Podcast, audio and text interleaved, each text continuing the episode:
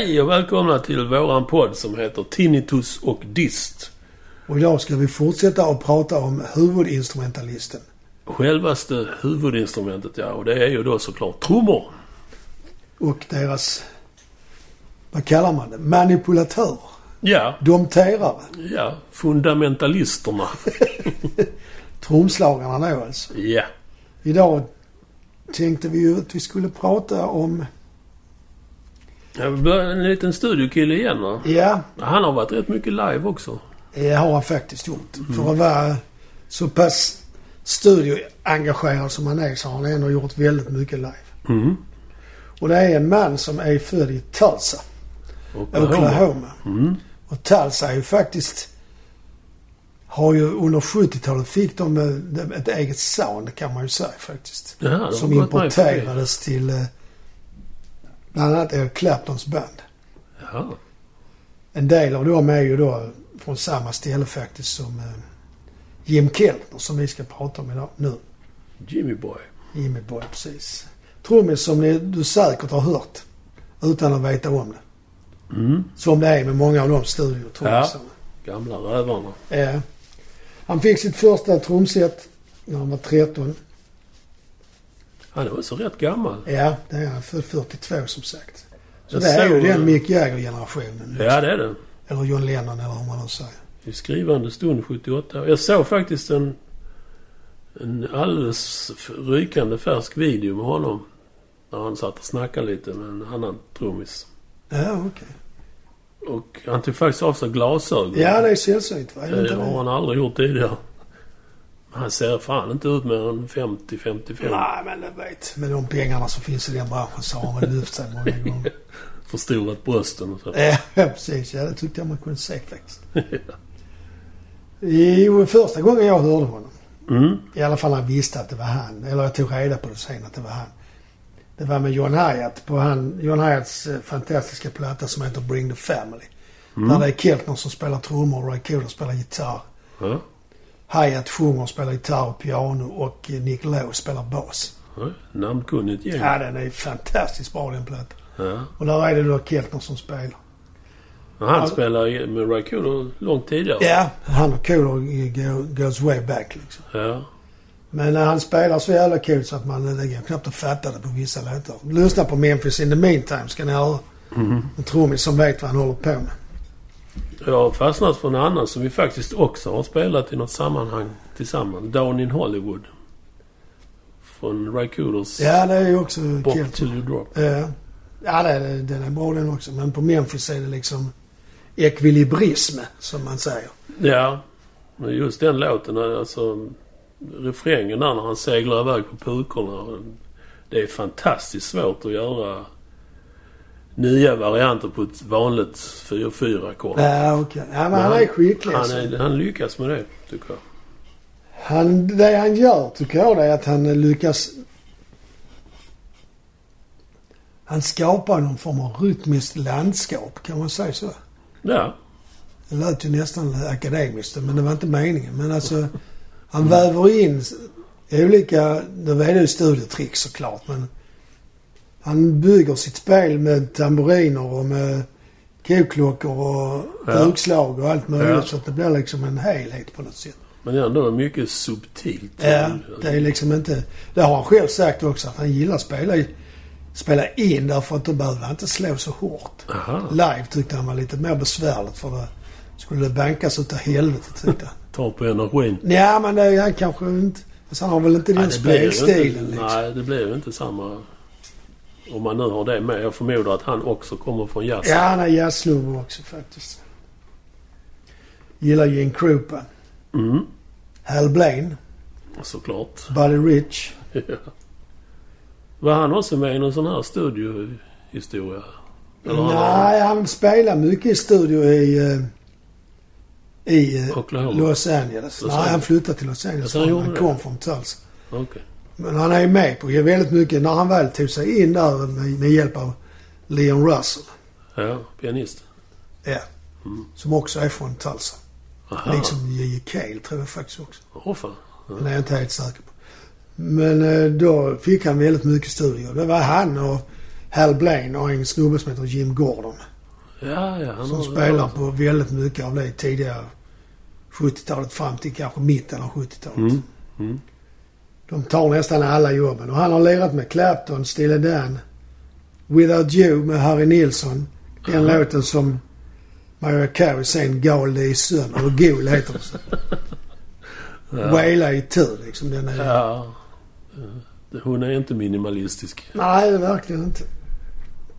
Joni Mitchell, Brian Wilson, Neil Young, Bee Gees, Jackson Brown, Manhattan Transfer, Ry Cooder som du nämnde. Ja. Tom Petty också va? Ja. Traveling Wilburys. Ja. Med Tom Petty, Dylan och Harrison. Ja. George Harrison. Ja, det var kanske där Petty kom in. Ja, det var kanske där han eh, hittade varandra så att säga och började spela ihop på scen. Sen var han väl involverad i eh, John Lennons karriär också. Ja, han spelar på många. Han spelar på tre av Beatlarnas plattor faktiskt. Han spelar, på, han spelar med Lennon, han spelar med Harrison, han har spelat med Ringo Starr. Ja, okej. Men han inte har spelat med är då Paul McCartney. Jaså? Ja, jag trodde kanske... Men Paul McCartney hade ju Wings. På den tiden, ja. Ja. Just det. Alltså han har spelat med de flesta. Han var kompis med Lennon när Lennon hade sin eh, superperiod. Det, när han hade lämnat Yoko Ono. Det, det man kallar för the Wild Weekend eller The Lost the Lost Weekend heter det. Just det. Och det var då ett och ett halvt år ungefär. Tror jag. Ja, jag såg någonstans de... Phil Spector var ju inblandad som producent. Va? Ja, de krökade ihop eller? Han var ju såklart galnast av alla i det sammanhanget. Det- det- De liksom sov i studion och... eh, Han tyckte om att klä ut sig, Phil Spector. Kom som kirurg och karateinstruktör. En gång kom han som cowboy med skarpladdade pistoler. Som avfyrades i taket när någonting inte gick som han ville. han tyckte om att klä ut sig till hustrumördare också där kanske. Ja, just det. Dragning till pistoler den killen. Eh, De blev faktiskt utslängda till sist. Från inspelningarna. Någon hällde konjak i mixern och det, det var inte som ett populärt. nävebord som idag är värt flera miljoner. Så det, Alltså inte just det bordet, men just modellen näve menar jag. Ja. Ja, men det uttalas ju säkert inte näve, men ja, ni fattar. Han var faktiskt tilltänkt för uh, Claptons Derek and the Dominos. Jaha. Men eh, som han själv sa, Jim Gordon, han före till London. men han har ju spelat med Clapton sen på flera plattor faktiskt. Han har tagit igen det. Ja. Hans första band hette Gary Lewis and the Playboys. Eller hans första session. Ja. Men en låt som hette? She's Just My Style. Nej, jag tror faktiskt det var när han kom till Los Angeles. Han började karriären där. Ja, okej. Och då visar det sig att Gary Lewis är alltså son till Jerry Lewis. Nej. Komiker. Världen är ju märkligt liten i de kretsarna Ja, faktiskt. verkligen. Hade han också gummiben och gummiansikte? Ja, ingen aning. Han- Hans far hade gummiklubba i alla fall.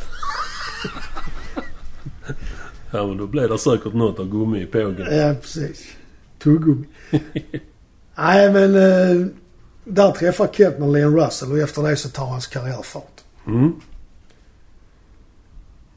Ja, Lee Russell är ju en väldigt färgsprakande artist kan man väl säga. Ja. Minst sagt. Ja, han var speciell och bra. Mm. Men han är inte så känd nu längre faktiskt. Ja, han Han spelar ju med Cocker där i Mad Dogs and Englishmen. Ja, det stämmer I det. det bandet. Ja. Man lägger ju märke till honom i alla fall. Ja, Så han var ju... På den tiden var han stor. ja, det var han faktiskt. Jo, som du nämnde eller antydde innan så kommer han ju från jazzen. Mm. Han ja. började spela jazz faktiskt. Mm, det kan jag tänka mig. gillade sådana som John Coltrane och bebop och allt det här. Okej. Men som han själv sa att det fanns inte riktigt så mycket jobb och så mycket pengar Nej. i det, den branschen. Så att det var väl liksom refrängen för den eh, ja, det var det stilen jazz. Ja, sen kom ju Elvis det. och sen kom ju rocken med Beatles och de liksom. Ja. Han, jag såg att han, han, han gillar egentligen inte rock från början. Nej, Det var långt upp i livet han Eh. började fatta I- tycke. han förstod det inte helt enkelt. Men som jag sa, han spelar inte så hårt. Han är- spelar löst och ledigt liksom. Mm. Och ändå med precision. Ja. Även han har ju en udda ingång till eh, det man kallar för groove. Alltså känslan för Ja. att få det till att svänga.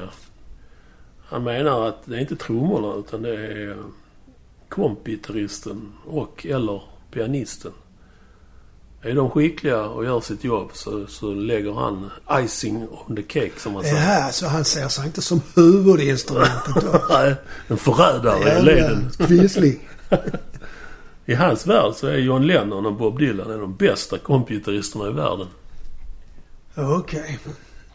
Ja, John Lennon har jag också hört andra säga att han var en av de riktigt duktiga på det faktiskt. Ja. Men ja, när, när det- de spelar live då, alltså, på den tiden var det... Ja, jag har inte tänkt på det men det kanske är någonting man ska kolla upp. Men det, det är lite intressant tanke faktiskt för Charlie Watts som då spelar trummor i Stones. Ja. Han följer ju Keith Richards. Ja.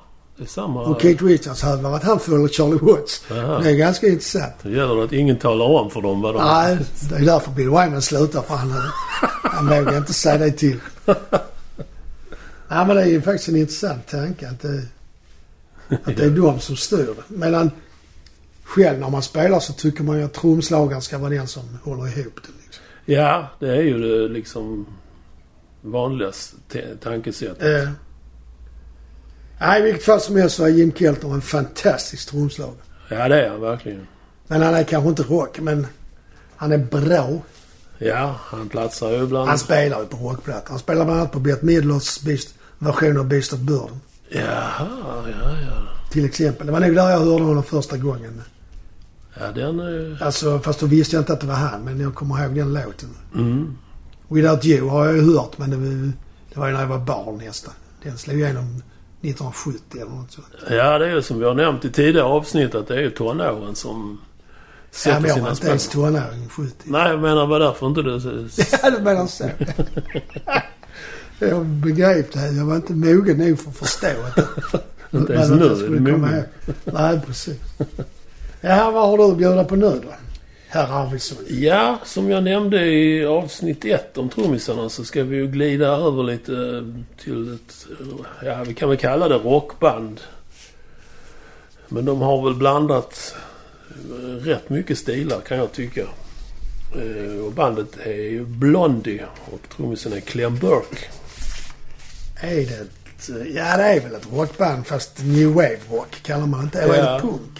Nej. Ja, det, det, det, är det det, väl går inte att liksom sätta fingret på riktigt eh, vad de är. Och det vill de kanske. Det vill ju ingen. Ingen vill ju ha en... Nej, det är så är det. De vi kallar för hårdrocksband, de tycker att de spelar hårdrock. Ja. De spelar inte hårdrock. Det är lite så. Men eh, man kan väl säga att man hör ju direkt att det är dem när man hör dem. Även om det inte är så att säga känd låt. De har ju haft eh, massor med hittar ju. Ja, det har de faktiskt. De är, Heart of Glass var ju den första. One Way or Another, Call Me, Rapture, The Tide Is High. Och sen- Maria är den senaste. Ja, den kom ju rätt långt. Ja, den kom på 2000-talet. Ja, 99 faktiskt. Jaså? Va? Ja! Så det var ju nästan rätt. Ja, det var det. 40 miljoner skivor har de sålt. Inte mer. Det är dåligt. Ja, det är. Ja, det var ju då Deborah Harry och Chris Stein, gitarristen och även hennes man. Ja, de var ju gifta. Eller de var ihop, eller var de gifta? Jag vet faktiskt inte om de var gifta. De var ett par i alla fall. Ja, de. De hade stökat runt några år med andra musiker. Så Clem Burke han anslöt då 1975. Precis när de döpte om bandet till Blondie. Ja, de, de, de, framgången kom ju direkt då året efter. Eh, och det var ju då Heart of Glass som jag nämnde. Som de slog igenom med. Ja, så det var deras första. Jag trodde inte. Jag trodde den kom senare. Men det är ju för att jag inte kan. Ja, nej den kom där. Då, han säger själv, Clem Burke, att han är inspirerad av Kraftwerk och Bee Gees. Stayin' Alive då framförallt. Så det är inte så Intressant konstigt blandning. att... Va? Intressant blandning får man säga. Ja, verkligen. Otippad framförallt. Så det är inte så konstigt att den slog brett den låten. Eh, Alla Dancing Fools i den här Disco Friendsins 70-tal. Ja, och sen har den ju något sånt. eh, Jag vet inte om det är sequencer eller om det är uh, syntslingan. Den grejen som Det- går hela låten i stort sett. Men det, gick ju bra. Alltså hardcore-fansen, de blev dissade av dem för det var ju inte alls så de hade gjort tidigare. Nej, okej. Men de, som man säger, de skrattade hela vägen till banken. Ja. Om inte managern snodde. Som vanligt. Jag har ju faktiskt sett Clem Burke som jag nämner i ett tidigare avsnitt. När, de, när han var trummis till uh, Eurythmics. Ja, På just det. Isstaden i Malmö Jag hoppar med där. 1986. Mm, det stämmer det. Ja, Blondie hade ju ett par intensiva år då fram till 1981. Då bestämde man sig för att ta en paus. Och det var då han anslöt sig till Eury- Eurythmics. Ja, okej, okej. Han var med på den, deras debutskiva. Kommer du ihåg vad den hette? Nej, det gör jag faktiskt inte. In the Garden. Okej. Så jag åkte han med dem något år och, och spelade in och så vidare. Kom tillbaka till USA 82. Och då spelade man in skivan Hunter med Blondie. Men eh, då hade liksom, det hade pikat. Det gick inte så bra, skivan. Och så det vanliga management, tra- trassel, droger, sjukdom. Chris Stein blev ju sjuk där. Ja, det har jag för mig läst att uh, Blondie, eller Debbie Harris som hon egentligen heter, hon tog hand om honom där Ja. Så under en rätt lång period, var det inte så? Ja, det var flera år. Det var Ja. någon lunggrej. Jag kommer inte ihåg. riktigt. Ja, ja, men han var väldigt dålig. Ja, det var han. Så de slängde in handduken där i det allmänna kaoset. Ja, okej. Så han äh, åkte tillbaka till äh, Eurythmics igen under resten av 80-talet. Fram till 87. 97, förlåt. Då återförenades faktiskt Blondie igen med originalsättningen. Ja, okej. Och det var i den vevan som du nämnde Maria. Det var Ja. en stor hit med dem. Jag trodde den var yngre. Alltså, märkligt med tid att det Det kan är man kan... länge sedan också. Det är 30 år sedan. Ja, det är det som blir så konstigt. För så 20. inte jag den faktiskt. Ja, jag trodde också den var äldre faktiskt. Men det är Nej, jag trodde den var yngre. Ja. Hans spelstil är ju rätt intressant också. Det visar sig när jag forskar lite att han är också, precis som Ringo, en vänstertrummis. En vänsterhänt trummis som spelar på ett högerhänt sätt. Ja, fan. Och det förklarar en hel del för han spelar ju väldigt udda precis som Ringo. Många konstiga grejer. Fräcka alltså men helt otippade. Ja, ja, okej. Jag har sett någon uh, YouTube-film där han... Du vet man gör ett film på pukorna. Man går runt på, pukorna. Ja, och så smäller man till crashcymbalen till höger då.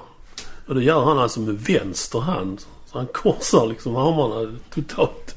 Ja, fel får man väl inte lov att säga men... Och det var så han bröt ryggen. Ja, han borde ju göra det. Nej, men det är som du sa. Då har han ju... Istället för att man har öppen fattning när man slår till symbolen där till höger. Mm. Så slår han alltså... Han korsar. Eh, jag, knut tro, på jag trodde först det var en gimmick när jag såg det men det känns nog naturligt för Ja, honom. antagligen är det så. Eftersom vänsterhanden är dominerande. Eh, Och han är dessutom en renlevnadsman. nej. Ja, det är svårt att tro i det gänget. i detta avsnitt.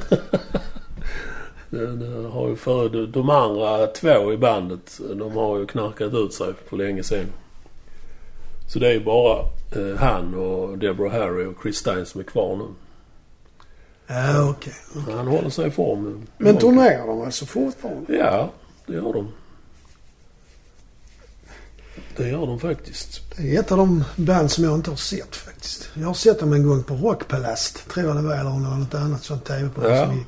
De har faktiskt varit i Malmö på Dad's Dancer. eh, Dad's Dance Hall, ja. Det finns en nöjesjournalist i denna stad som ofta nämner detta, inte ofta men som ibland Ja, hänvisar till detta. men det tål ju att Ja, det får man ju säga faktiskt. faktiskt. Där var ju väldigt många intressanta band på den klubben. På den tiden, ja. Ja. Det var bara några få år som de Eh, lyckades. Sex Pistols, Clash, Ja, Galpedol, ja, Blondie. ja. För Ja, det är fantastiskt. Ja. Men vad ska man säga om hans stil? Alltså udda, ja men på, är den liksom hårslående eller han är... Han spelar ju hårt, det gör han. Han spelar med hela kroppen och det, det hade han gått för samma lärare som Gene Krupa gjorde så hade han ju gråtit blod. För det är ju inte... Det är Det, det är oortodoxt. fel. Ja, okej.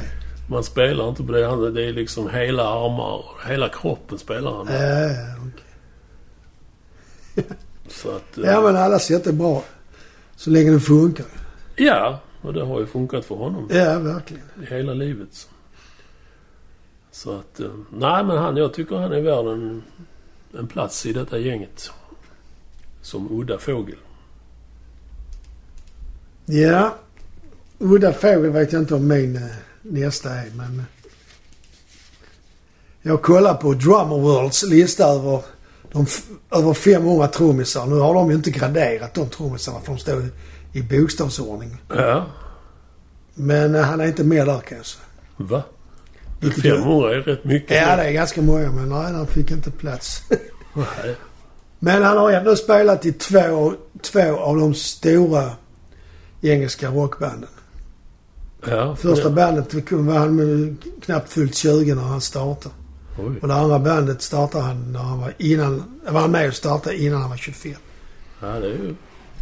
Och då, då pratar vi alltså om Simon Kirk från Free och Bad Company. Mm. Som då, Simon Kirk är född i England 1949. Mm. Inte så lastgammal som... Nej, han är lite yngre än uh, Jäger dem, men han är ju han är inte ung. Det är Mm. han ju inte. Numera bor han i USA, i New York. Mm. Han eh, växte upp i Wales och gick skolan och sen hade han en överenskommelse. Han började spela trummor där också Mm. och var ganska duktig på det. Mm. Så ville han satsa på den karriären så han kom överens med sina föräldrar att han skulle få åka till London och vara där. Hade han inte lyckats på två år så skulle han komma hem igen och liksom skaffa sig ett riktigt jobb säger han nu med sådana. Han. Kaninfingar. Eller? Nej, precis. När det var en månad, han hade, jag skulle vara där 24 månader. När han har varit där 23 så hade han inte breakat ännu. Men då råkade han stöta på Paul Kosov Jaha. som spelar gitarr i ett band som heter Black Cat Bones. Ja. Och där går han med. Ja. Och eh, efter ett tag så tycker Paul Kosov att nej vad fan det här är inte så roligt längre. Vi gör något annat. Så då hänger han på och då bildar de Free tillsammans med Alan Fraser och Paul Rogers. Paul Rogers. Mm. Denna mäktiga stämma. Ja, det är fantastiskt. Mm. Och då, eh, då är de alltså... Basisten Alan Fraser, han är 15 år tror jag när de börjar repa med Free. Så du kan ju tänka dig hur, hur snabbt han växte upp. De hade fyra år Eller inte med växt upp. stigande framgång Free. Och de avslutar ju 1970 eller vad det nu är, 70, jag tror. De spelar in uh, All Right Now. Eller första framträdandet jag har sett med den låten är från Australien, 69. Så tidigt. Sen spelar de in den och ger ut den. Och blir skitstora megabigga. Mm. Men den, den låten lever ju fortfarande. Ja, alla coverband spelar Ja, i stort sett faktiskt. Och alla spelar fel också. För de har inte tagit ut gitarriffet ordentligt. Nej, Men eh, det är ingen som bryr sig om gitarr. nej, det är det kanske inte. Men gitarristerna kunde göra det i alla fall kan man ju tycka. Men i vilket fall så... Paul Kosov får jätteproblem med droger. Han dog rätt tidigt va? Ja, så de lägger ner bandet och sen för att rädda honom så startar de det igen. För att han är han på väg att gå ner sig. Mm. Kosov alltså. Mm. Men eh, det håller inte så till sist så, så går ju han bort. Men då har bandet redan, Free redan lagts ner en gång. Till. Till ja, precis. Och Rogers och Kirky går vidare och bildar tillsammans med Mick Rance från Motte Hoople och Boz Burrell från King Crimson. Bad Company. Så det är ju en supergrupp. Namnkunniga band Ja. där. Ja. Och var dessutom det första band som signades av Peter Grant på Led Zeppelins skivbolag Swanson. Ja. ja, det är ju inte dåligt. Peter Grant tittade dem djupt i ögonen och sa till dem att nu fuckar ni inte upp detta. Den, denna gången. Nej, precis. Men det gick ju bra för uh, Bad Company. Ja, det Deras första platta sålde ju miljoner. Den också. Var det Swanson direkt eller vet Ja, du? det var Swanson. I Ja. alla fall i USA tror jag. Eller om det var i Ja. England. Okej. Men jag, jag har den plattan och då, ligger den på, då är det Mercury. Men det är ju, det är ju inte originalutgåvan så att säga. Nej. Men nu var det ju inte egentligen Barry Swanson vi skulle Nej. prata om. Men Simon Kirk är ju liksom ingen... Alltså han är rocktrummis på det sättet att han spelar ju... Han är väldigt stadig och han spelar enkelt. Han är ingen flådig trummis tycker jag. Nej, det är väldigt basic det han gör. Han är inspirerad av sådana Otis Redding, Marvin Gaye, Booker T. Och de trummisar som lirar på de plattorna. Och även Ringo, Ringo Starr, Charlie Watts. Al Jackson som då spelar med Booker T tror jag. Ja. Keith Moon. Jag Men undrar Keith inte, han Moon, också, undrar inte han är sprungen ur jazzen också egentligen. Det är han kanske, I alla det fall vet jag skol, inte. för han har ju det här traditional grip som det heter på vänsterhanden. Men Ja, ja, Maff-orkestern. Muff-varianten där Ja, ja. ja okej. Det är ju inte vanligt i rocksammanhang. Nej, det är det faktiskt inte. Det försvann ju nästan efter 60-talet. Det får Mm. man ju säga faktiskt. Jag har sett någon eh, nyare filmer på YouTube med honom och då kör han, håller han samma likadant i höger och vänster hand. Så han har nog... Så som alla andra gör nu för Ja. tiden. Ja, okej. Nej, han är ju som sagt, han gillar ju... Han gillar Keith Moon, men det hör man inte alls i hans spel faktiskt. Nej, det tycker jag inte. Det finns ju inte någonting Tycker han det så- själv alltså? Nej, men han gillar Keith Moon. Han gillar killen? Ja. Ja, okej. Men han spelar ju enkelt och stadigt. Jag tycker han svänger bra. Sen tycker jag dessutom att han är... Han, han gör att låtarna håller ihop och han gör låtarna bättre. De är Mm. redan bra från början. Det är- Gäller speciellt med Bad Company. Och detta är ju i en tid när det skulle virvlas och Ja. grejas. Så han var ju udda fågel på det sättet Ja. får man ju säga Ja. Han kluddar ju inte särskilt mycket. Han var väl med och skrev också det, själva låten Bad Company. Ja. Mm. Han har varit med och skrivit flera låtar. Han spelar gitarr också. Ja. Han har ju... Han har ju faktiskt spelat både trummor och gitarr hela tiden. Skriver Ja. låtar. Sjunger rätt hyfsat faktiskt. Fan. Lite i Paul Rogers anda, men det är inte så konstigt. Ja, ingen kan jämföra sig. nej, men att han är färgad av det menar jag. Ja, ja såklart. Nej. Ja. Men eh, ja, jag tycker han är bra. Men Själv menar han att han inte hittar sin egen stil förrän på Frees tredje platta, Fire and Water. Ja. Innan det hade han bara liksom härmat dem han gillade. Jaha. Det var där All Right Now låg. Jag tror han är med på den. Han har inte lirat med så mycket andra men han har jammat lite med Stones och med Buddy Guy och. Ringo. Och han har varit med på Ringos eh, turnéer faktiskt. Jaha. Han har ju det här Ringo Stars All-Star Band. Ja, han har det varit med på ju- några gånger Det faktiskt. räcker ju långt för att vara centralpunkten i en bardiskussion med folk. ja, verkligen. Ja, han det är berättade en rolig historia när han spelade med Buddy Guy så gick han bara upp och jammade Mm. live liksom. Ja. Buddy Guy hela tiden spelade tystare, spelade tystare. Han tyckte själv han satt och fes liksom jämfört med hur han brukar. Det var lite roligt. Va? Verkligen. Sen har han ju tyvärr haft eh, så många andra i den generationen får man säga. Var ju glad för alkohol och droger men nu är han renlevnadsmänniska. Okej. Men de låg ju på ett skivbolag där med Free Island Records tror jag det var. Ja. Som le- leddes av en man som eh, också gav ut reggae-musik. Så han har varit på Jamaica och träffat Bob Marley and the Wailers. Han spelade inte med dem men han, han var i studion och hälsade på. Fan. Ja. Och så, så, så berättade han att när han öppnade studiodörren så vällde det ut så en massiv marijuana eller vad det var, rök. Och så, Ja. så bjöd de honom på en joint där som var stor som en olympisk eld. Men äh, managern sa till att du kan inte tacka nej för det liksom. Det är rastafaris det ju. Det är ju artigt. Ja, det är en gest av vänlighet liksom. Okej. Så, ja, vad skulle jag göra han. Så jag röka på, röka på och vaknade dagen efter och var gift med trä. så man kan ju liksom föreställa sig hur det har gått till där på... Det gick vilt i den kvällen. Jag hörde en historia. Free var ju här i Sverige någon gång. Ja, så de har varit det.